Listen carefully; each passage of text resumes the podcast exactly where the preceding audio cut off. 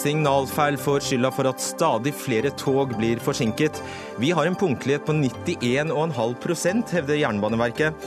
Da hopper de over alle forsinkelser før endestasjonen. Regjeringen tar livet av oss, sa streikende bønder i forfjor. Året etter leverte de rekordoverskudd på 1,7 milliarder til sitt eget Tine. Hvordan er det mulig? Kringkastingsavgiften skal skrotes, men tro ikke at du slipper unna å betale for NRK. Vi gruer oss til 8. mars-parolemøtene, sier Rød Ungdom. Vi syns ikke det er så gøy å støte på dere heller på møtene våre, svarer kvinnegruppa Ottar. Trenger man fiender når man har slike venner, spør vi i Dagsnytt 18.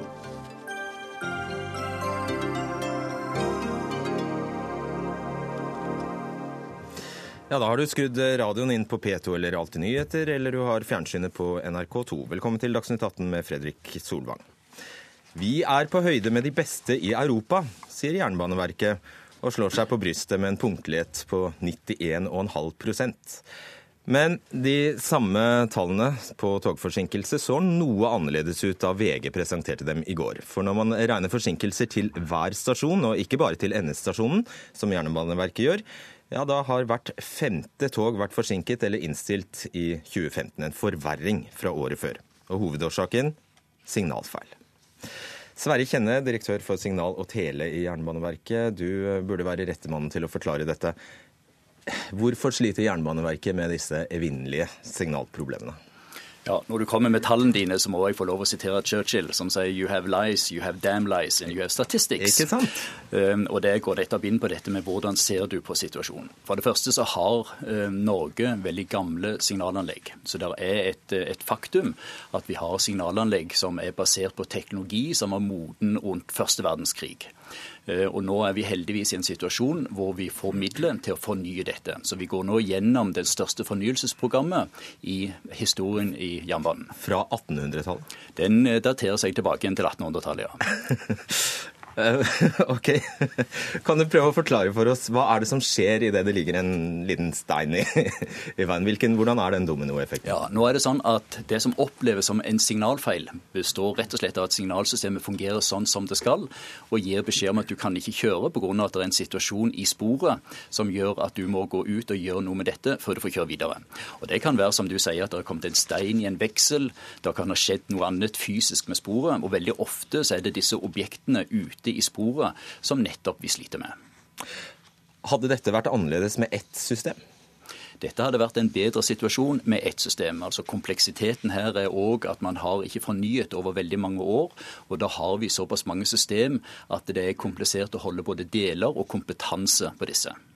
Og så har vi jo lest at uh, noe av problemet her er at mange av de som kan, kan vedlikeholde disse systemene, er, er gått av med pensjon. Ja, Nå er det jo veldig mye tabloidpresse rundt dette, og det må vi jo tillate uh, at, at, skjer. Uh, og det er engang sånn at vi har såpass mange forskjellige system at det vil aldri være én person som kan alt om alt. Men er det et problem at de faktisk ikke finnes lenger? Det er helt et åpenbart utfordring at kompetanse på denne type utstyr kan du ikke hente fra skolen. Dette sluttet man å utdanne folk i for mange år siden. Huff, huff. Så på kort sikt, hva er løsningen? På kort sikt så gjør vi mange tiltak for å bedre situasjonen i sporet. og Da er det veldig ofte eh, forbundet med å passe på sporgeometrien. Hvordan ligger sporet? Man kan vaske stein, altså pukken. Man gjør miljøet rundt disse objektene bedre. Det er den ene, ene siden. Eh, det som òg er veldig spennende, det er jo at vi går gjennom en, en, en runde med dette som kalles for Internet of Things. Altså vi, eh, vi, overvåker objektene, sånn at det er mulig å sette inn tiltak før feilen får en stoppende effekt. Så jernbanen nå, Vi driver og bygger det som jeg kaller for den digitale jernbanen, som er et veldig spennende konsept. Så vi gjør en del ting i det korte perspektivet. Og så har vi heldigvis nå fått midler til å fornye hele signalanleggene i Norge, som er det største uh, løftet på signalsiden noen gang. Og Hvilket århundre skal det virkeliggjøres? Ja, Det første anlegget gikk i drift i eh, september i fjor. Så det tar vi som, en, som et godt tegn. Og Så kommer neste i 2022, og så ruller vi på ut eh, til 2030. 2030. Hvorfor, så, hvorfor, tar det så lang tid? Ja, Det tar så lang tid eh, rett og slett pga. at vi har 4200 km med linje i Norge. Eh, du som reisende ønsker ikke at jernbanen blir sperret av mens denne fornyelsen foregår. Så det tar rett og slett tid å få dette til å skje. Og, Men, og Hvis vi sammenligner dette med andre land som har samme programmene, så opptrer vi eh, vel så aggressivt tidsmessig faktisk som dem. Ok. Åsmund Uland, tidligere konsernsjef i eh, NSB. Du har jo i mange sammenhenger eh, etterlyst eh, satsing på jernbane her i landet. Kunne Jernbaneverket, kunne og burde Jernbaneverket ha gjort noe annerledes? Altså, Jernbanen i Norge kan sammenlignes med en hundreåring som holder på å dø. Og han kan ikke overleve. Så, så det viktigste tiltaket på jernbanen er faktisk å bygge noe nytt og det må bygges raskt, ellers så mister næringslivet og de reisende troen på jernbanen. Det kommer i 2030? Nei, det, det, det er ingen forpliktelse. En har en, en, nasjonal transportplan som er uforpliktende. Så, så mitt anliggende er at, at det må skje noe drastisk med å få opp tempo i å bygge ut jernbanen. Og jeg er sikker på at uh, statsråden, hvis han gikk til Stortinget med et skikkelig framlegg på det, så er det vilje. For dette handler om å bygge, det handler om å bygge landet. Ja. Jernbaneverket gjør veldig mye bra nå, men det mangler politisk vilje til å satse enda mer. Vi skal snakke med han eh, etterpå, Uland. Hvordan opplevde du selv samarbeidet med Jernbaneverket, som drifter altså, som, eh, som kjenner sier her, 420 mil med jernbaneskinner? Ja, jeg var jo sjef for begge, så, så, så Det var så, okay. det var Hvordan opplevde du samarbeidet med deg selv? Men, og den samordningen mellom NSB og Jernbaneverket, den, den, må jo gå eh, Og det er jo dyktige mennesker som skal samarbeide, og de er opptatt, ja, de, okay, ja. de er opptatt, av, det, de er opptatt av det samme. Mm. Så det er ikke det det står på. Og det er kompetanse, veldig flott kompetanse til å gjøre noe med dette. Men tempoet må drastisk opp. Og, og det som er problemet, er at selv om man nå bygger noen parseller med ny jernbane, så er det noen svake ledd. Og da er de svake leddene som gjør at selv med nye dobbeltspor, så blir ikke jernbanen bedre før hele strekningen er ferdig. Ja, nettopp. Bjørn Kristiansen, trafikk- og markedsdirektør i det samme Jernbaneverket. Er dere for passive i forhold til, eller eh, overfor politiske myndigheter? Nei, det opplever jeg overhodet ikke. Vi har hatt en uh, veldig tett og god dialog med politikerne de siste årene. og... Jeg må jo si det at eh, jeg syns det er eh, gledelig å se hvordan politikerne satser på det området som jeg tror kanskje er aller viktigst, nemlig vedlikehold av den eh, strekningen vi har, altså de 4200 km. Men ta tak i det han sier, 2030? Ja, nei, altså Signalanleggene våre er gamle. Og heldigvis så har vi også fått penger nå til å begynne å bygge om disse. Det er riktig som Åsmund Øland sier, at dette skal ligge inn i Nasjonal transportplan, og det gjør det jo også. Men det er en satsing som vi gjør. Det er veldig kompliserte systemer som skal byttes ut, og vi har mange strekninger i dag som er manuelt styrte også. Ok. Du vil veldig raskt kommentere det? Ja, altså um, her, her, her, må, her, må, tempoet opp. Og, og, Jernbaneverket sitter med en betydelig kompetanse, og de kan si klarere ifra. Jeg vil utfordre Jernbaneverket til å si klarere ifra til regjeringen hva som må til for å få en bedre jernbane. I 2015 var altså togene 8200 timer forsinket, Kristiansen. Eh, og 40% av dette skyldtes signalfeil. Så hører vi her altså at dette skal ikke bli bedre før i 2030. Ja, det er riktig det at signalfeil er en stor del av dette. Nå er riktignok det er en, en sekkepost for veldig mange ting. Dvs. Si at det er et rødt lys og ikke å kjøre tog. Eh, det er jo selvfølgelig en situasjon vi overhodet ikke er fornøyd med. og Det er derfor vi også nå bytter ut signalanleggene for å få dette bedre. Men det er klart at eh, så stor forsinkelse som vi har nå, det er vi ikke veldig fornøyd med. Jeg har lyst til å føye til at vi har altså faktisk en punktlighet som på 91,5 og jeg skal like å se det andre transportmiddelet i Norge som er like godt som dette. Ja, Og da glemmer du alle stasjonene inntil endestasjonen. Du hopper bare bok over dem. Jeg gjør ikke det, fordi det er slik at eh, det er klart hvis du legger sammen alle, så blir det veldig høyt tall på alle stasjonene. For det er mellom eh, korte strekninger rundt Oslo så kan det være 10-15 stasjoner å stoppe. Men hvis jeg står på Ål og venter på toget, og jeg opplever at det ikke kommer, så er det jo revnende likegyldig for meg om du har greid å ta inn den forsinkelsen ja. i Bergen? Det er jeg 100 enig med deg. Men sannsynligheten for at vi klarer å ta inn den er ganske liten.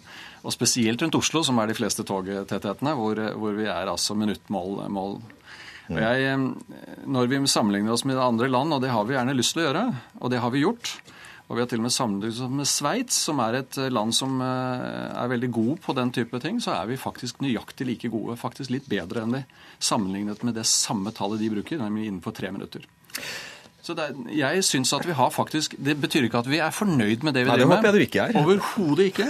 Men jeg syns at, eh, at, eh, i lys av at vi har en situasjon hvor vi faktisk har klart å forbedre punktligheten de siste fem årene, dramatisk, i samarbeid med NSB og Flytoget, så er det en god story. Og vi har hatt en 20% vekst i person, eh, antall reisende. Og det gjør at folk liker oss. De trives med å ta toget, og det er vi veldig glad for. Så har dere en sjef eller som en, en direktør som altså eh, er sitert på at 'jeg trenger ikke flere penger', jeg. Jeg har nok penger. Og Det er veldig viktig å si at for sett ifra den innfallsvinkelen som du begynner med, nemlig signalsystem, så er vi i dag i den situasjonen at det er kompetanse som er flaskehalsen. Det er faktisk ikke penger. Jeg føler at politikerne har hørt budskapet. Jeg, eh, men nå snakker jeg for mitt område. Politikerne har hørt budskapet, midlene kommer, og det er faktisk kompetanse. Men så må jeg òg få legge til eh, et punkt her. Eh, det må ikke bli hengende i lufta noe med 2030, at vi sitter og venter på at 2030 skal komme. Vi jobber veldig intenst med å bruke moderne teknologi for å bedre situasjonen i dag. Og så blir det en fornyelse som tar tid. Ok, Vi inviterer dere tilbake om et år. Takk skal dere ha. Du blir sittende, Åsmund Uldan, Sverre Kjenne og Bjørn Kristiansen. For inn eh, her, av, eh, her i studio kommer eh, samferdselsminister Ketil Solvik-Olsen fra Fremskrittspartiet. Nå skal vi snakke om de litt større linjene i samferdselspolitikken. Du har jo ansvar for dem, Solvik-Olsen. Hvor pinlig syns du det er at, det vente, at vi skal vente til 2030 før vi har et nytt signalanlegg på plass? Ja, Jeg syns det er litt for seint. Men uh, vi har satt i gang arbeid og vi har dobla bevilgningene allerede i inneværende års budsjett. Og så handler det om at du skal òg avvikle trafikken på jernbanen mens uh, det, dette arbeidet skal pågå. Du skal installere nye utstyr i togsettene, og da er det viktig at det sånne ting er koordinert. Så det står ikke på deg? Er det det du sier? Det handler om å få et eh, system til å fungere og bevilgninger som er tilpassa det. Og Der ser vi jo at Jernbaneverket sier at nå har de så mye penger de trenger for å faktisk begynne å redusere forfallet. Og Det er jo der eh, Ueland har helt rett. Det har vært en sektor som har vært nedprioritert veldig lenge. Vedlikeholdsetterslepet dobla seg under forrige regjering, til tross for at en snakket om å bruke mye penger. Nå reduserer vi forfallet.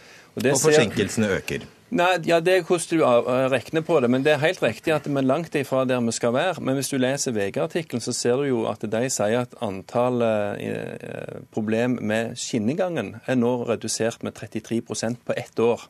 Eh, hvis du snakker med Cargonet, som driver med godstransport, så vil de si at uforutsette avvik for deres del har gått ned med to tredjedeler på to år.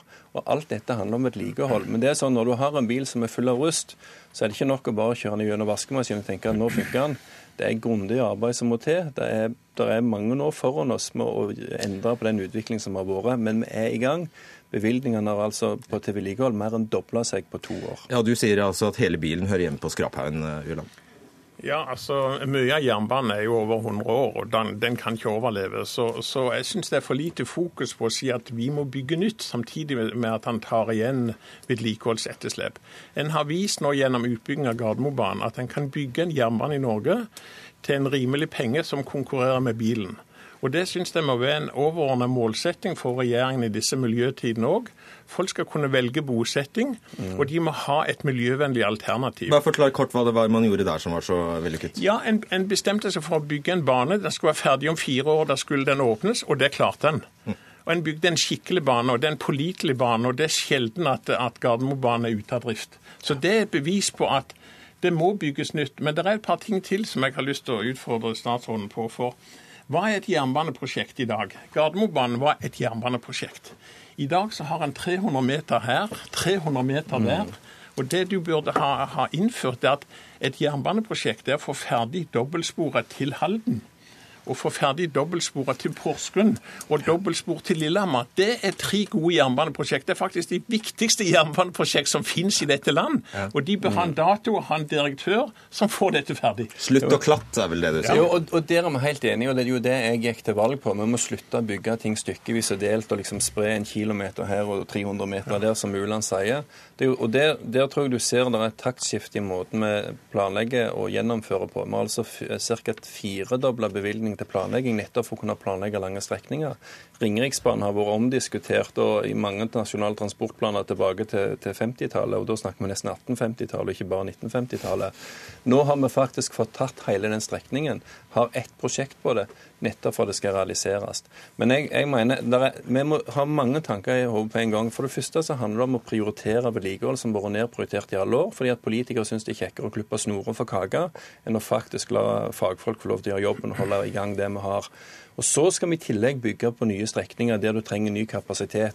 Dobbelt spor rundt Oslo, eh, på Jærbanen, eh, rundt Trondheim er svært viktig, fordi der skal du ha mye tog, og da må du ha en, en skinnegang i hver retning. Andre steder så handler det egentlig bare om å sørge for at det du har, faktisk funker hver dag, hver time. Vi bare pense oss litt tilbake på, på dette med signalfeil. Altså, eh, når, det, når, det, nå åpenbart skal ta så mange år før man har et eh, system på, på plass, og man hører forlydende om at Jernbaneverket har nok penger, så er det, høres det jo helt mystisk ut? Ja, så Jernbaneverket mangler dramatisk mye penger for å få til en skikkelig jernbane. Så de gjør det, altså? De mangler dramatisk mye penger. Og jeg har lyst til å si en ting. Når en nå skal bygge ut jernbanen Jeg var i Vestfold i går og hadde en fantastisk positiv opplevelse av Jernbaneverket. De presenterte hvordan jernbanen skulle bygges ut gjennom Vestfold, og kom med en klar anbefaling at jernbanen, hvis den skal ha sin sterke posisjon, så må den bygges i rett linje. De var faktisk opptatt av hvert minutt som kunne spares, og de viste til statsråden sine signaler. Nå skal jernbanen bygges ut, kortest mulig reisetid, rette linje, og bygges ut billigere enn det som står i, i, i, i budsjettene. Og så sitter statsråden parallelt og ser på at i Østfold, der er en ikke opptatt av minuttene. Der sitter staten og ser på at en, skal bygge et dobbeltspor som krøller seg gjennom fylket, og bruke 16 minutter lenger til svenskegrensa. Det går faktisk ikke an. Men det som, jeg så, det, som, det som jeg så i går, det var fantastisk. Fantastisk. Svar på det konkret. Ja, akkurat der, Når det gjelder eh, trasévalg for sporet gjennom Østfold, så handler det òg litt om hvor stortingsflertallet ligger. Og jeg må forholde meg til det stortingsflertallet har bestemt. Men så handler det òg om at jernbanen bør gå der folk bor, og ikke nødvendigvis korteste vei til Halden. Okay. For det er ikke der eh, folk skal, skal, skal reise. Men, men, la meg ta det med signalanlegg. Ja. Det er jo ikke sånn at det ikke vil skje noen ting på signalanleggene før 2030. Her vil det være strekning for strekning, og som eh, Jernbaneverket sa, en har allerede tatt en strekning i Østfold. Og så må en koordinere sånn at du får nye signalanlegg og togsett på en og en strekning, eller to og tre strekninger om gangen. Men det hjelper ikke der heller å ta på en måte hvert punkt som er problemet Jeg skjønner det, men det er jo imponerende at forsinkelsene blir verre for hvert år. Ja, det blir bedre for hvert år, men du har på noen punkter en, en dårligere situasjon eh, i året som gikk. Og så er det òg bare å ta med at du har noen plasser som faktisk ødelegger statistikken veldig. Sånn som det at flommen tok Launes bro i Eigersund. Det er altså 10% av de innstillingene som var i fjor. Det kom på det ene punktet fordi at der har du enkeltspor, og det ødela altså for Jærbanen. Det er dårlig vær i Norge, da. Jo, det er, det er dårlig vær, og så har du bruer som er veldig gamle. Dette er jo ei bru som er henta fra Nordland, som var bygd under krigen, og som ble flytta ned der på, på, jeg tror det var 60-tallet. Det var de tyskerne. Jo, jo, så, men det, det, det, viser jo utfordringen vi har, at når du ikke vedlikeholder en bil over lang tid, så ruster den til slutt sunt. Det samme skjer på jernbanen, men nå er vi i gang med det løftet for å ta det punkt for punkt, og da vil du òg få punkt for punkt for forbedringer. Det får siste ord. Du, du er en sterk statsråd, og jeg anbefaler deg å invitere Stortinget til en skikkelig diskusjon på, på regionsutvikling her i Norge den mangler. Og da kommer jernbanen i et helt annet lys. For da trenger du en skikkelig jernbane for at regionene rundt uh, hovedstaden skal avlaste hovedstaden og ta vekst.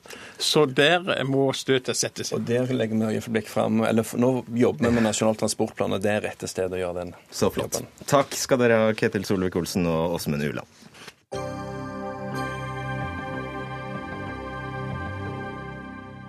Meierikjempen Tine kan skilte med tidenes beste resultat.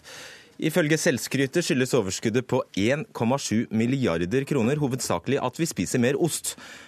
Men hvordan kan et konsern som er eid av 12 000 bønder gå med 1,7 milliarder i overskudd ett år etter at de samme bøndene streiket mot at daværende landbruksminister Sylvi Listhaug var i ferd med å ødelegge og rasere livsgrunnlaget deres? Burde bøndenes raseri kanskje også rettes mot eget selskap Tine? Jonny Ødegaard, du, er, eh, du, har eh, en av Norges verste titler. Direktør, rådgivning og medlem politikk og samfunnskontakt i Tine. Syns ikke du det er litt rart at de samme bøndene som streiket mot rasering av landbruket det ene året, kan levere overskudd på 1,7 milliarder det neste? Jeg har lyst til å si at jeg er veldig stolt over det resultatet vi har skapt. Vi eies jo av, av bøndene, som du sier, og dette resultatet skal ut igjen til bøndene for å styrke gårdsbruket og styrke industrien vår. Det skal du få si, men syns du ikke det er litt rart? Jeg syns ikke det er rart at eh, Jeg er veldig glad for at industrien vår går godt. Eh, jeg, jeg syns det burde skape begeistring at, at, noe norsk industri klarer å levere resultater. Det er jo fordelen med å ha en mangfoldig industri her i landet. At når oljeindustrien går dårlig, så kan næringsmiddelindustrien eh, gjøre det godt. Det Men landbruket kan umulig ha blitt rasert da, hvis man genererer et overskudd på 1,7 milliarder. Det er du enig i? Det må du nesten spørre ja, Furuberg om. vi gjør det. Anne, Anne Merete Furuberg, du er leder i Norsk Bonde- og Småbrukarlag. Dette er jo litt besynderlig? Eh, vi som bønder eh, er medeiere, og vi eier samvirkebedrifter. Og vi som bønder eh, har jo da et press på våre samvirkebedrifter at de skal levere. Og I denne sammenhengen så har de levert på at her er det et bra resultat, og ganske mye blir tilbakebetalt til oss til bønder. Skal jeg minne Men, deg om hva dere sa under streiken? Dere sa ting som at resultatet av jordbruksforhandlingene er at det blir um, umulig å drive lønnsomt som bonde. Ja, det står jeg ved det òg. Og nå i forhold til etterbetalingen så hjelper jo det. Eh, men det hjelper stadig færre bønder. Så en eh, boll og en utfordring til min egen bedrift, som er samvirkebedrifter, at framover nå så skal vi måtte bruke mye til forsknings- og utviklingsmidler og forbedre politikken, slik at vi får enda mer kvalitet på mjølka, og at vi faktisk kan bli enda flere hender i erbe. Og ikke minst at vi får kuer ut på beite og får ivaretatt kulturlandskap ja. osv. Ok, eh, Ødegård. Det er altså sånn at dere sender ut pressemeldinger, dere selger saker inn til eh, media om at dere nå eh, gir, utgir nesten 1 milliard kroner i bonus, det som kalles bonus til bøndene. Hva slags penger er dette? Det er jo på en måte den store styrken ved et samvirkeselskap, at vi eies av dem som leverer varer til oss. Så når vi går med overskudd, så går det overskuddet tilbake til eierne i, i, i takt med den leveransen de har hatt til oss gjennom året. Istedenfor at det samles opp i et private equity-selskap eller hos noen, noen få grosserere, så kommer dette overskuddet ut til dem som har levert mjølka til oss. Men det er bøndenes egne penger? Det er bøndene som, har, eh, som, som eier selskapet, og som får disse pengene, ja. Hvorfor ikke heller legge, legge litt på prisen de får gjennom året? Vi har kloke og langsiktige eiere her i landbruket som nok liker å tjene pengene før en bruker dem. og Det tror jeg er et godt prinsipp. Ok, Sven Arne Lie, du er tidligere landbruksforsker og forfatter av boka 'En nasjon av kjøtthuer'. Nå, når Tine selger inn disse gladsakene til media om at de deler ut store bonuser, hva kunne alternativet vært? Alternativet er jo selvfølgelig at uh, mjølkeprisen hadde vært høyere enn det den er. Uh, fordi den etterbetalinga som Tine gir, som alle er glad for, det er jo i og for seg et uttrykk for at man har planlagt budsjettet dårlig. Eh, altså at forholdet mellom volum og pris er dårlig planlagt. Eh, og, og, så den etterbetalinga som da framstilles som en bonus, det er i og for seg ikke noe bonus. Det er egentlig et resultat av at man har planlagt litt dårlig. Ja, så det er ikke det at de er flinke, de er faktisk dårlige? Ja, altså De har planlagt dårlig i forhold til det som er sam, altså Samvirkeøkonomien og samvirkeforvaltninga handler jo om at man skal tjene penger på det man produserer, og ikke tjene penger på penger. Og, mm. og, og det er et kjempebra prinsipp, og det, det er jo det som er samvirkeideologien. Men Sven, når det er et problem at vi deler ut dette som et etterskudd, syns du det er problematisk for landbruket? Det er, et, er overhodet ikke et problem, men det er et problem at man framstiller det som en bonus. fordi at det her er eh, rett og slett en betaling på mjølka som man fint kunne fått inn ved å, eh, ved å ha høyere mjølkepris. Okay. Og, det, og, det, er ganske Ja. ja. Eh, Furuberg, kan du prøve å svare, ja, svare på noen veldig kjappe ja-nei-spørsmål, er du snill? Med ja eller nei. er du enig med Tine, som hvert år ønsker seg lavere kraftfôrpriser her i landet? Eh, nei, vi må øke kraftfôrprisen mm. for at vi må ha høyere verdi på gresset, og vi må bruke midler for å få dyr ut på beite for å få sunnere mjølk. Er du enig med Tine som ønsker mer overføringer over budsjett og mindre på pris til forbrukerne? Nei, vi må øke priser, men det er òg slik at landet vårt uh, bruker altfor lite penger på vårt jordbruk. Så, Så her må jeg si som Ole Brumm, ja takk, begge deler. Okay. Er du enig med Tine når det gjelder kravet om at staten skal oppmuntre til investeringer i store fjøs? Nei, det, her må vi bruke investeringer til å ivareta jorda over hele landet. Og det å, å ha store fjøs eh, i et land som Norge, det går ikke bra. Kanskje Tine der ønsker seg få og færre tappestasjoner. Og hvis Tine ønsker seg det, så er det Da spør jeg deg. Hvorfor rettet ikke du, og retter ikke du sinne vel så mye mot Tine som mot regjeringen? Nå er jo dagens regjeringspolitikk langt, langt, langt verre. Og eh, vår motstander i forhold til min egen bedrift, som er Tine. Jeg er medeier eh, og norske bønder. Men du sier jo nettopp nå at Tine gjør ting du ikke liker. Samvirkebedrifter, som fagforeningsleder og som medlem i Tine, så har vi vår plikt og vi har vår rett til å kritisere de som da jobber for oss, til å gjøre det enda bedre. Sven Arne Lie, er det stor forskjell på interessene til dagens regjering og Tine? Ikke stor nok. Altså, ta kraftfôrpris, som er et ekstremt viktig poeng her. Altså, jordbruk er bruk av jord, og skal jord i Norge være lønnsomt å bruke, så må, må det være lønnsomt å dyrke planter. Og Verdien på planteproduksjonen i Norge den bestemmes av kraftfôrprisen. og Da kan ikke kraftfôrprisen være lav. Og hvis vi skal ha et jordbruk i Norge, så kan ikke Tine jobbe for å eh, sette ned kraftfôrprisen. Så det der er et ganske interessant moment. Og jeg vil skyte inn et annet poeng også, som det her er, eh, er viktig å få fram. At ofte så framstilles jordbruksfamilien som en, en stor uh, lykkelig samla klump der alle er like lykkelige. Skal være veldig klar over at det er store interessemotsetninger innad i norsk jordbruk. Og det er eh, helt åpenbart og ikke spesielt overraskende at mange i toppen, både i samvirket og i bondelagsledelsen, har ingen problemer med den politikken som eh, dagens regjering fører. Tvert imot. Mm. Eh, Ødegård, hva er grunnen til at dere ønsker eh, billigere kraftfôr, egentlig? Jeg kjenner meg ikke igjen i det i hele tatt. Jeg tror ikke Tine har bedt om billigere kraftfôr. Vi har snakka en del om kostnader, at det er viktig å holde kostnader nede og i konkurransekraft. Men vi har ikke bedt om billigere kraftfôr. Det er heller, det er heller ikke, det er heller, det er heller ikke slik at vi ønsker eh, ønsker bare store bruk. Vi er veldig opptatt av at det norske grovfòrarealet finnes på små og store lapper i hele landet. At vi trenger små og store gårder. Ok, Furuberg, er, er, er du enig i at Tine aldri har bedt om billigere kraftfôr? Eh, det må jeg her og nå si at jeg må melde pass på. Du stilte spørsmål ja. til meg om eh, jeg var enig i ja, ja eller nei på det. Og her er det så viktig at vi har eh, en politikk som gjør at vi bruker jord- og gressarealet i hele landet. Og hvis Tine skulle ha sagt det en gang, så er det jo veldig bra nå at Ødegaard da sier det motsatte. For da begynner de, å, begynner de å høre på vi som er eiere.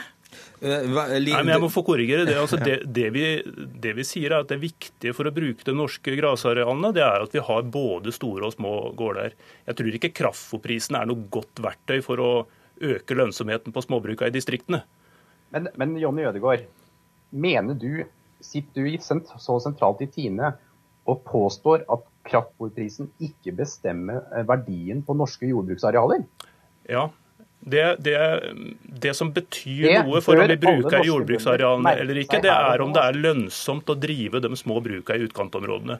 Det at, det at, mange nok finner det lønnsomt å drive smålappene, er det som er avgjør om vi klarer å holde arealene i hev. Okay, jeg, jeg, jeg, det er veldig oppklarende, veldig bra for debatten at Jonny Ødegaard er tydelig på at kraftfôrpris ikke bestemmer verdien på norske jordbruksarealer. Det er utrolig oppklarende for oss andre som skal diskutere det her i, i framtida. Bare og hyggelig. Det, det litt, eh, ja. li, et, annet, et spørsmål til deg, Bru.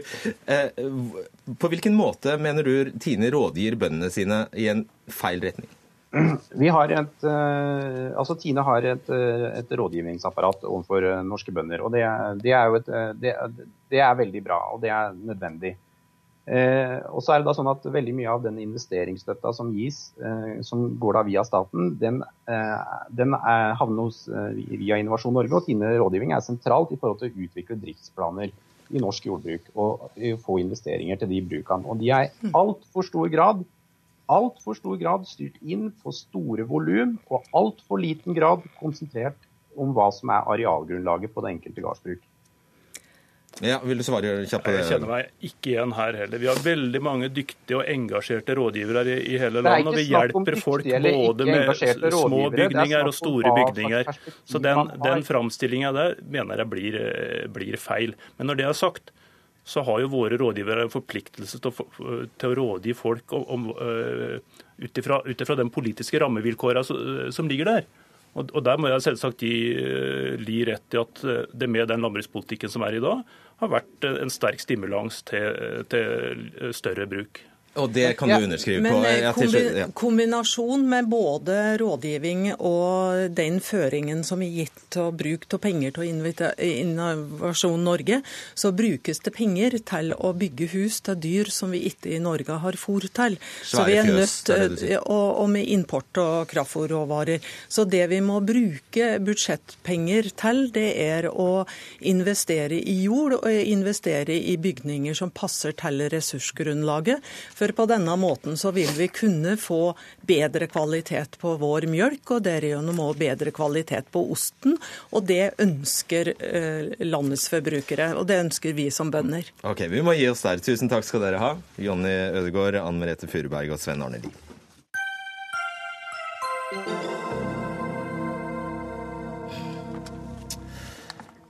De fleste i Norge er for fri abort, eller selvbestemt abort. Men er de fleste for selvbestemt abort hvis det betyr at en kvinne som bærer på tvillinger, kan fjerne det ene fosteret?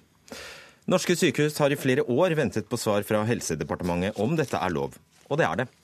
Men ikke nok med det. Kvinnen kan selv forlange fosterreduksjon ut fra egen lyst og behov før uke tolv. Det trenger ikke være medisinsk begrunnet. Cecilie Brein Karlsen, du er statssekretær i Helse- og omsorgsdepartementet fra Fremskrittspartiet. NRKs sak om fosterreduksjon av tvillingbarn eh, eller tvillingfostre skaper oppstandelse i dag. Har du forståelse for det? Det har jeg stor eh, forståelse for. Det er jo en etisk vanskelig sak. Den treffes jo sterkt eh, emosjonelt. Men det at den er såpass vanskelig, det reflekteres jo også i det at vi har løfta den helt opp til Lovavdelingen, som er kanskje det fremste miljøet vi har på, på lovtolkning, for å få en, i Justisdepartementet for å få en avklaring på hvordan vi skal forstå dagens abortlov. Og Hva er det de har sagt? De har, forstått, de har sagt det at eh, fosterreduksjon, altså en selektiv abort, er lovlig innenfor også rammene av dagens abortlov, så også da også innenfor eh, selvbestemt abort frem til uke tolv. Og da betyr det at hvis du har to foster i magen, så kan du si at jeg ønsker bare ett? Det kan man. Ok. Uh, Birgitte Heiberg Karlsrud er overlege ved Nasjonalt senter for fostermedisin på St. Olavs hospital. Hvordan foregår fosterreduksjon?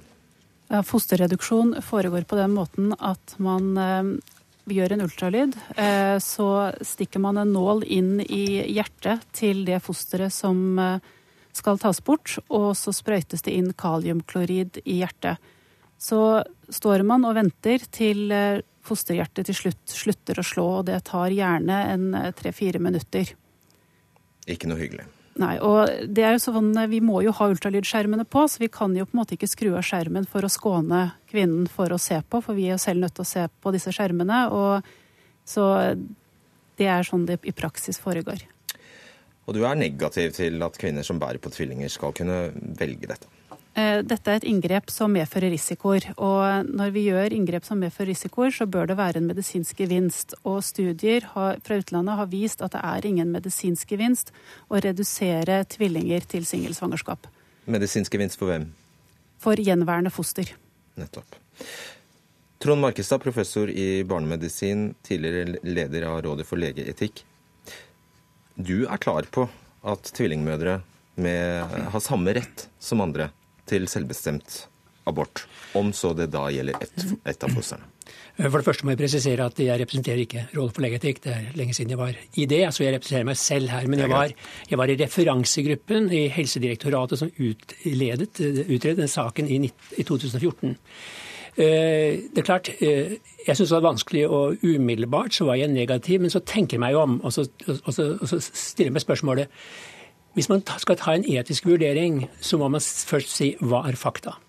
Ok, Vi har en lov, det er det ene faktum som, eh, som eh, garanterer kvinnen fri abort før tolv uker. Det står ingenting i abortloven om at eh, om kan ta det ene fosteret. Det hadde man ikke engang tenkt på den gangen. Nei, det er fra 70-tallet. Ja, riktig. Så det er det ene ting. Men samtidig så er det jo blitt lovlig, iallfall i 15 år, å, å, å, å abortere selektivt et sykt foster slik at eh, Problemstillingen er, er ikke eh, ukjent. og I utlandet er det jo vanlig helt fra 80-tallet å, å, å, ta vekk overtall i fosteret, f.eks. etter, etter prøverørsbefruktning. Men så er det det medisinske faktum. Uh, og, det, og, det, er det viktige her, da. Uh, vi vet det at uh, sånn selektiv abort, sånn som den ble utredet den gangen, så er det 15% risiko for at det andre fosteret aborterer. Eh, men så vet man også at abort er tross alt vanlig også ellers i tidlig svangerskap. Og et tvillingsvangerskap det medfører større risiko for foster og for mor i forhold til svangerskapskomplikasjoner enn et uh, svangerskap med ett barn. Men det viktige er det er klart En kvinne uh, må velge, og hun må ha skikkelig informasjon bl.a. om abortrisikoen. Men hvis vi snur spørsmålsstillingen, så er det ja, hva gjør du hvis det er et par som har en, for en veldig vanskelig omsorgssituasjon. De har kanskje et sterkt funksjonshemmet barn, og de har lyst på et barn til. Og så vet de med seg selv de makter ikke å tenke seg uh, oppgaven med tvilling, uh, tvillinger i tillegg til det. Og da blir det på en måte litt vanskelig for meg å si at ja, her har du bare to valg, og vi stiller ingen spørsmål. Enten tar du begge, abort på begge, eller får du ikke abort. Og Det blir litt vanskelig for meg, fordi da gjør vi oss på en måte til en moralsk overdommer overfor folk som er i en vanskelig situasjon, og som, og som sliter med et vanskelig valg.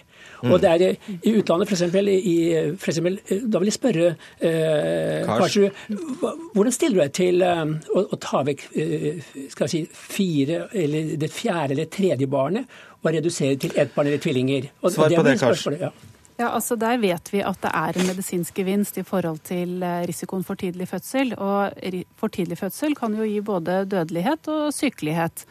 Eh, sånn at eh, når det gjelder trillinger og firlinger, så vet vi at det er en medisinsk gevinst. Og når det gjelder tvillinger til singel, så er det ikke vist noen medisinsk gevinst.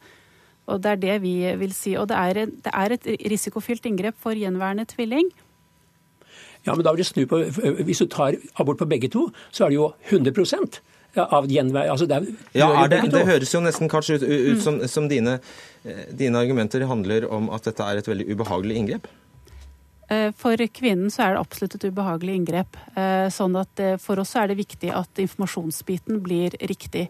Det er ikke alle tvillinger som kan reduseres heller. Eh, tvillinger som deler morkake kan ikke reduseres, og det er et sted mellom en tredel og en fjerdedel av alle tvillingsvangerskap. Og eh, de må vite hva slags risiko det innebærer, og de må vite hva slags inngrep de går til. Vi snakker om å fjerne eller ta bort et foster, men vi tar ikke bort noe som helst. Fosteret blir liggende der inne svangerskapet ut. Nettopp. Brann Karlsen, altså Sykehus som Rikshospitalet og St. Olavs har i flere år redusert antall foster i tilfeller der kvinnen bærer da på tre eller fire, som, vi, som blir nevnt her. Men da er det medisinsk begrunnet. Hvorfor da åpne for fosterreduksjon når det, om, når det ikke er noen grunn til det? Jeg tenker at Det er nettopp den type problemstillingene det er viktig at vi nå rydder, rydder, i. For det her handler jo ikke om medisinsk risiko, det handler om kvinnens rett til selvbestemt abort. Og da har vi på en måte fri, Den debatten er jo litt frikobla fra det, det, det, med det, med det medisinske. Vi, vi argumenterer jo ikke medisinsk rundt retten til selvbestemt abort. Den handler jo om rett til å bestemme over eget kropp og til å på en måte planlegge sin egen familie. Det ligger til grunn for abortloven, og det er sånn da vi nå også skal forstå dagens abortlov. Og da skal vi forstå det slik at Helse- og omsorgsdepartementet mener den retten er ufravikelig og absolutt? Ja, altså vi har, ingen, vi har, ingen, planer om å endre abortloven. Nå er jo denne abortloven tolka av Lovavdelingen, og vi forholder oss til den eh, loven. Men det er også klart at det er en etisk vanskelig sak. Men vi har selvbestemt abort i Norge, og den står vi på. Men jeg vil si en ting at vi, jo, vi vil jo nå be vårt, vår fagmyndighet, som er Helsedirektoratet, om å da invitere fagmiljøene til en dialog om hvordan vi skal forstå, eller hvordan det her skal følges opp. Og da er informasjon til kvinnen om inngrepet, hvordan det utføres. Og da viktig informasjon hun må få, så vi får en lik praksis i hele landet. Og Markus, Hva skjer eh, hvis sykehuset nekter å utføre det? Eh, ja, si det. Det er jo en abortlov i Norge. Det har jeg ikke tatt stilling til. Det er klart, Gynekologer har jo faktisk en reservasjonsrett, juridisk sådan. Men det vil for meg være uryddig hvis de på en måte aksepterer abort i en annen situasjon, men ikke, ikke aksepterer abort i denne situasjonen.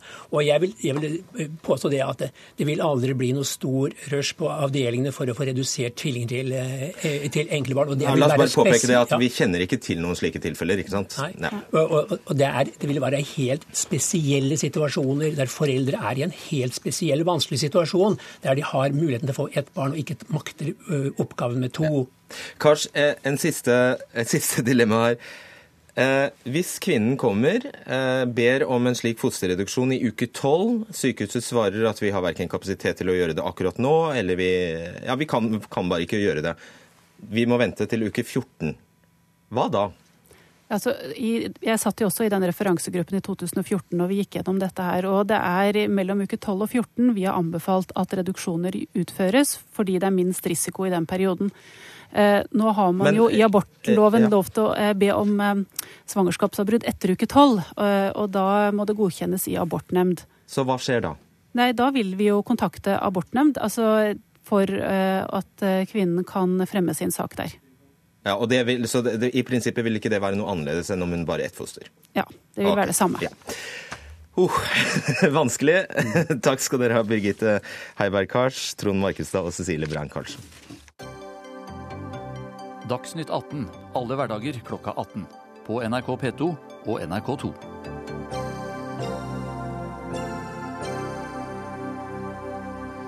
Ja, nå om fremtiden for NRK og for TV 2 og for mange flere. For klokka 14 i ettermiddag la representanter for alle partiene på Stortinget eh, regner jeg med, hvis, hvis eh, MDG er med, uh, unntatt Frp, fram en avtale om landets to allmennkringkastere. Kulturministeren må legge fram et forslag om hvordan rammevilkårene for de to kringkasterne skal være innen utgangen av året. Selv går stortingsflertallet inn for en fellesskapsfinansiering av NRK, enten en finsk eller tysk modell. Skal komme inn på hva det betyr. Også at det må legges til rette for at TV 2 fortsatt skal ha nyhetssendinger fra, og hovedsete i Bergen. Arild Grande, du er Arbeiderpartiets mediepolitiske talsmann og får eh, tale på vegne av eh, flertallet her. Bare først, er MDG med? Bare så vi har det på dere. Ja da, alle partier okay. på Stortinget unntatt eh, da Fremskrittspartiet. Greit. Ja, da... Ok, da har vi avklart det. Eh, hvorfor vil dere legge om dagens NRK-lisens? For det vil dere. Ja, Ordningen har jo fungert veldig bra fram til i dag. Men vi ser at uh, nå som folk uh, ser TV, uh, filmer, audiovisuelt innhold, uh, ligger så gjerne på mobilen, på nettbrett, på internett som på det tradisjonelle fjernsynsapparatet, så vil dagens modell bli satt under press. For den handler bare om at du betaler for apparat. Eh, og Vi tror det er lurt å være i forkant av utviklingen. og Det vi tar til orde for, er at regjeringa nå før jul må fremme et forslag for Stortinget om hvordan NRK kan finansieres for framtida. Eh, vi ønsker at da ordningen skal være rettferdig, den skal være eh, framtidsretta, eh, og den må sikre NRKs uavhengighet. Eh, og eh, det som det legger an til nå, er ordninger som egentlig ikke vil merkes særlig mye, men som vil sikre for vanlige folk, da, men som vil sikre NRKs økonomi. Hva mener du med merkes gratis, eller? det er jo sånn i dag at nesten alle betaler lisens, og de fleste føler at de får god valuta for pengene. Så en omlegging langs de sporene som i dag skisseres, vil egentlig ikke merkes for folk, men det vil bli en langt mer framtidsretta eh, modell eh, for NRK. Jeg er like stor regning, det var det du sa. Du mente. Det er klart at Vi ønsker jo en ordning som, eh, hvor alle er med og bidrar. Fellesskapet eier og må også finansiere NRK. Og med å ha en sterk og god offentlig allmennkringkaster, så kan vi forhåpentligvis få mange gode fellesskapsøyeblikk på TV i framtida. Bare veldig, veldig kort. Den finske og tyske modellen, hva, hva er det for noe? Ja, Det er mange ulike modeller som vurderes. Finland har valgt å gå eh, fra lisens til en personlisens, hvis vi skal kalle det, som går, med, som går på juridisk person. Eh, mens Tyskland har gått over til en husstandslisens. Eh, begge modellene vil nok bli vurdert. Det er det et ekspertutvalg som nå ser på. De leverer sin innstilling 1.7. Og så ber vi om at regjeringa tar stilling til det og fremmer en sak for Stortinget før jul. Og da skal vi også ta stilling til hva tror vi er den kloke veien å gå videre, sånn at vi sikrer at NRK fortsatt fortsatt er fellesskapets eiendom. Mm. Ib Thomsen, mediepolitisk talsmann fra Frp, satt helt på sidelinja. Nei, vi har jo vært med på det vi er enig i, altså i saken som behandles i komiteen. Vi har ikke skrevet noen avtale med Arbeiderpartiet, vi mente at det var helt unødvendig. Men vi er enig i masse, som f.eks. at vi skal se på lisensen. Så det er jo en seier for oss i dag at Arbeiderpartiet nå etter 40 år ønsker i hvert fall å vurdere alternativ til dagens lisens. Så det er en seier for oss. Og at vi nå får alternativ nyhetssendinger til NRK er sikret også det for framtiden. Så monopolet Kunne ikke bare skrive under, da? jo, men det ligger så mye annet i, i denne denne avtalen f.eks. det er pekt på finsk modell, noe jeg syns er rart. Høyre først bestiller et utvalg som skal se på finansieringen, og så peker man på finsk modell f.eks. Så det syns vi det er for tidlig å gjøre. Vi bør få utvalgets innstilling før, før, vi begynner å falle ned. Så det å falle ned allerede nå og binde seg til masta før man ser hva utvalgene kommer med, er litt tidlig for oss. Dette er FrPs seier, ikke, ikke Ja, det er jo nesten litt komisk at Fremskrittspartiet framstiller det som en seier. Jeg er jo glad for at de er fornøyd med det vi har gjort, men Fremskrittspartiet lovt før stortingsvalget stortingsvalget at hvis de kommer i regjering, så har du betalt lisens for siste gang. Det har gått vinter og vår og vinter og vår og vinter og vår. To og et halvt år har vi venta uten at det har kommet et eneste initiativ. Eh, nå rydder Stortinget opp i det her og sier at vi ønsker en sak. Eh, og Da er det jo for så vidt positivt, men jeg skulle ønske at Fremskrittspartiet ikke bare plasserte seg på sidelinja, men at de faktisk var med og tok det ansvaret de faktisk har på vegne av de norske seerne. Svar kort på det, Thomsen. Dere har jo vært tindrende klare ja, på at dere ikke ønsker noe Forgjengeren min i kulturkomiteen sa at det var ja. siste sesongen med NRK-lisens. Hva ønsker dere nå, da? Nå ser jeg jo at det løpet kanskje er kjørt med så stort flertall på Stortinget som ønsker finsk eller tysk modell. Så, men vi ønsker at vi i hvert fall får det utvalget, og at vi får vurdert dette helt avhengig. Og da ser vi kanskje at vi kan få den mye lavere, og at det kan også være med å finansiere andre kanaler, som f.eks. TV 2. Mm -hmm. Øyvind Lund, medieredaktør i, nei, direktør unnskyld, i, her i NRK. Ja, Hvordan oppfatter du denne avtalen? Nei, altså, Vi er veldig glad for at Stortinget har samlet seg om, en, om rammer for NRK som, eh, som, det er bredt politisk oppslutning om. Det er viktig for oss. Det er viktig for oss at vi fortsatt eh, får rammer som gjør at eh, vi kan være en bred allmennkringkaster som eh, kan gjøre en jobb for hele, eh, for hele, befolkningen. Og så tror jeg det er veldig, veldig viktig for oss at det også er et bredt oppslutning om dette i Stortinget. fordi at Hvis det hadde vært veldig, veldig sånn fronter rundt dette, så hadde, hadde, det vært en mye verre situasjon. Den fronten her bryr du deg ikke noe om? Jeg opplever, vi opplever i dag at det, er, at, at det er et stortingsflertall som støtter godt opp om allmennkringkasting, og det er vi glad for. Det er jo det. Har du noen eh, preferanse her? Finsk, tysk modell? Nei, Vi syns ikke det er noe feil at man eh, utreder flere modeller. og Så får det være opp til Stortinget å, å beslutte de modellene. Men det vi har vært opptatt av, er at, vi, at det må være en modell som sikrer NRK uavhengighet. Og som oppfattes som rettferdig av, eh, av betalerne. Mm. De, også er det viktig for oss også at de faktisk er en direkte forbindelse mellom det de betaler og det produktet de får fra NRK. Det har vært uh, vesentlig for oss. Enten de liker å betale det eller ikke liker å betale det. det er en annen sak, ja. Uh, det tror jeg er viktig. Ok, eh, Grande. TV 2, NRKs eh, konkurrent, har altså bedt om offentlige overføringer for å få finansiert nyheter og sikre fortsatt hovedsettet i Bergen. Får de det? Ja, Det vi eh, ønsker eh, og har eh, jobba veldig iherdig for i Stortinget nå, er jo å samle oppslutning om at vi også i framtida må ha en kommersiell allmennkringkaster med hovedkontor i Bergen. Det har vært ekstremt viktig for det norske mediemangfoldet. Det har gitt oss god nyhetsdekning, konkurranse på det området, men også mange store opplevelser. Så vet vi at dagens modell ikke vil være bærekraftig i framtida, og at tida er i ferd med å renne ut for, ja, tida er i ferd med å renne ut for TV 2. Vi har etterlyst en initiativ fra regjeringa eh, om å løse den situasjonen, men det har ikke kommet et eneste initiativ derifra. Eh, og derfor så, eh, Det som skjer i dag, er egentlig at Stortinget nå tar styring over den prosessen, forlanger at det utlyses en midlertidig avtale umiddelbart, og at de før jul fremmer en sak om hvordan vi kan sikre kommersiell allmennkringkasting i Bergen også i framtida. Så uten denne konklusjonen og denne brede enigheten om det i Stortinget i dag, så er jeg redd for at vi kunne ha mista det fantastiske tilbudet vi har med en kommersiell allmennkringkaster i Bergen. Ja, hva ser dere for dere her? Dette er noe også Fremskrittspartiet støtter og har jobbet for eh, like lenge som Arbeiderpartiet. Så, så, vi er også glad i dag for det. Eh, og jeg var jo inne på det innledningsvis. Altså, det verste var jo at eh, NRK hadde fått monopol på nyheter. Og det hadde jo vært tragisk tilbake til monopoltiden i dette huset. Så, så dette er også en seier for Fremskrittspartiet. Det er veldig artig at det er Arbeiderpartiet da, som sørger for å presse gjennom eh, saker og krever at regjeringa skal levere, sånn at også Fremskrittspartiet kan få innkassert noe av det de har ambisjon om igjennom. Det har de ikke klart på egen hånd. Og dere har allerede i NRK sagt at det er en veldig dårlig idé å, å overføre offentlige midler til TV 2 på en slik måte? Nei, det har vi ikke sagt. Men vi, vi er i utgangspunktet positive til at det er en, en allmennkringkaster, også at det er en kommersiell allmennkringkaster i Norge. Og Det ble sagt fra Vandrehallen i dag at, at konkurransen har gjort NRK bedre. Det er vi helt enig i. Og så er det viktig i mediemangfoldssammenheng at det finnes flere, spesielt på ja, men Hva er det NRK har sagt om dette her med TV 2 og offentlige penger? Vi mener at det er viktig at uh, NRK-lisensen eh, er eh, at, at, eh, brukerne skjønner at det er NRK som de betaler for, og vi er litt redd for en sammenblanding av disse, av, hvis dette blir en saus for brukerne rundt dette. Vi er, vi er... At en del av lisensen f.eks. Ja, skulle ja, gått til TV 2, ja, det er NRK ja. imot? Okay. Dette er en idé som vi syns er veldig tiltalende, da. Eller kan være i hvert fall noe vi bør vurdere. Sammensausing? Nei, at man bruker lisensen på flere Hva er fordelen med det, da? Nei, det er at vi ønsker, hvis vi, Stortinget ønsker at det skal sendes nyheter til, eh, fra, fra, Bergen, så at man faktisk betaler for det, eh, den tjenesten som Stortinget bestiller. Ja, det, eh, Du skal egentlig få svare på et, siste, et, annet spørsmål om sport, om idrett. fordi dere sier altså, skal vi se her, det, vi er enige om at de viktigste internasjonale sportsarrangementene skal være fritt tilgjengelig på åpne kanaler. Hva er en åpen kanal? Ja, Det er jo f.eks. NRK eller TV 2 i dag, men vi har jo også TV Norge som er tilgjengelig for uh, de fleste.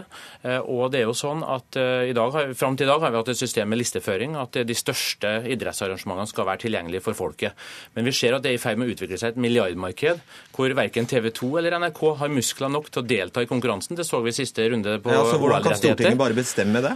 Det er forskjellige måter å regulere det på. Vi har listeføring som fungerer forholdsvis godt, men jeg tror det det vil presse fram ganske store utfordringer på dette området, som, eh, som gjør at eh, jeg er redd for at seerne eh, blir belasta med økte utgifter, og at det blir vanskeligere tilgjengelig. Og Derfor har vi nå i dag bedt om en sak hvor eh, man utreder hvordan kan man sikre at det norske folk får eh, tilgang på idrettsbegivenheter også i framtida. Det tror jeg er en viktig eh, mediepolitisk seier, og jeg tror det er viktig også for norsk idrett og norske sportselskere at vi sørger for at det er tilgjengelig i framtida. Ser du da, Lund, noen annen løsning enn at NRK eller TV 2 eller hvem skulle være for masse penger for å betale for slike arrangementer? Jeg er enig med Arild Grande i at sport er en viktig del av norsk kultur og, sam og samfunnsliv og språk.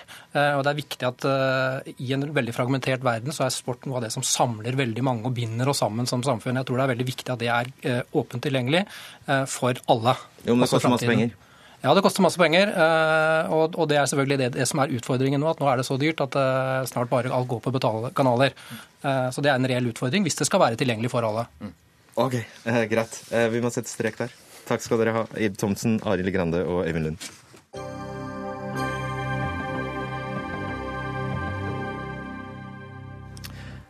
Hersketeknikker, grove trusler og ekskludering. Ja, Slik omtales debattklimaet blant feministene etter Kari Jakkessons følelsesmessige uttalelser om håndhevelse av sexkjøploven på 8. mars-møtet forrige uke. Nå anklager kvinnegruppa Ottar Rød Ungdom for å rakke ned på 8. mars-komiteens arbeid, og mener de har skapt et bilde av komitémøtene som det reneste ragnarok. Anne Stø, leder i kvinnegruppa Ottar, det var ikke, det var ikke snaut? Nei, altså jeg må uh, få starte med å si at 8. Eh, mars-bevegelsen er jo en stor og mangfoldig bevegelse som, uh, som oppstår på nytt på mange måter hvert år. Eh, og det skjer jo ved at fjorårets arbeidsutvalg sender ut innkalling i eh, alle himmelretninger, og at folk eh, som da kjenner seg kallet, møter opp på disse møtene som, som enkeltpersoner. Og, og så har det blitt det reneste ragnarok? Ja, det er ikke vår opplevelse. Og jeg tror mange av de som har brukt tid i 8. mars-komiteen i, i, veldig mange år, heller ikke kjenner seg igjen i, i den beskrivelsen. Eh, og mye foregår eh, på, på disse komitémøtene som er av eh, mer gemyttlig art. Og, og det, det, er jo derfor vi stiller spørsmål da, til, til Gjerud. Hvorfor er det viktig for dere å framstille komiteens arbeid som så forferdelig, når det er helt uriktig i forhold til hvordan det faktisk foregår? Ja, og dere bruker kraftuttrykk som at dere er sjokkert over rollen dere Ungdom har inntatt. Ja, vi blir jo litt sjokkerte. Eh, fordi det, det Rød Ungdom har representert, er jo en generell kritikk om at her er det ubehagelig og de verste møtene i hele året. Og det er jo en, en, ja, en generell påstand som Eh, som ikke eh, er veldig tydelig i, i hva den ønsker å ramme. Og, og, det betyr jo at både eh, kvinner som ikke har deltatt i 8. mars-komiteen tidligere, lurer på hva, hva er dette for et forferdelig sted, og at folk som har vært lenge i komiteen, begynner å lure på hva, skal man ikke få lov til å fremme sine synspunkter her. Ja, man får ikke så veldig lyst til å delta på de møtene. Nei, det er jo det som er synd. Linn Elise Øhn Mælen, leder i Rød Ungdom. Eh, ja, Dere sier faktisk at klimaet er på et bunnivå. Hva er det som er så pyton? Nei, det er jo det vi sier ifra om, er jo først og fremst den dårlige debattkulturen, som også ødelegger da for eh, det vi ser på som en viktig kvinnebevegelse. Det vi først og fremst har snakket om, er at vi ikke syns det er OK at eh, man istedenfor å eh, angripe hverandre saklig og politisk, har gått på en sånn hersketeknikklinje som vi ikke setter pris på. For du anklager henne for å stå, eller egentlig, ja, for å stå i ledtog med høyrekreftene. Hva handler det om? Nei, eh, Vi anklager Rød Ungdom for å fremme en kritikk som er så generell at den i grunnen ikke treffer eh, noe som helst. Eh, og Når det blir gjentatt her igjen at ja, det er en uheldig debattstil og slike ting, så jeg, jeg må nesten be deg om å konkretisere. fordi at Ja, gjør det. Konkretiser. Hvis man veit hva det er dere reagerer på, så går det òg an å finne ut av Går det an å gjøre noe med ja, dette? Da konkretiserer vi. Jeg vil ikke lage noe regnskap på hvem som er best på å bruke hersketeknikker mest, men det er jo en forskjell når det kommer en skarp kommentar fra en 17-åring, eller om det kommer fra en eldre, erfaren kvinne. Men la oss heller være enige at det ikke er en praksis vi skal bruke, og at vi eh, ikke oppfordrer medlemmene våre til å gjøre det på den måten. Men så vil jeg jo også ønske da, at man skal respektere at veldig mange av våre medlemmer har en helt annen oppfattelse enn det Ottar sine medlemmer har om hvordan det er på disse møtene. Og da mener jeg at det er litt viktig av Ottar også å respektere at kanskje man er uenig, men i hvert fall lytter til den kritikken da, som kommer fra stort sett mange unge feminister. Mm. Eh, og en konkret eh, og konstruktiv kritikk eh, må man selvfølgelig lytte til. Det vi reagerer på, er at dere nevner ingen eksempler. Det er bare 'her er det forferdelig kjipt å være'. Og det syns jeg er trist at dere opplever det sånn, for veldig mange andre opplever ikke komitémøtene på, på, på, den måten.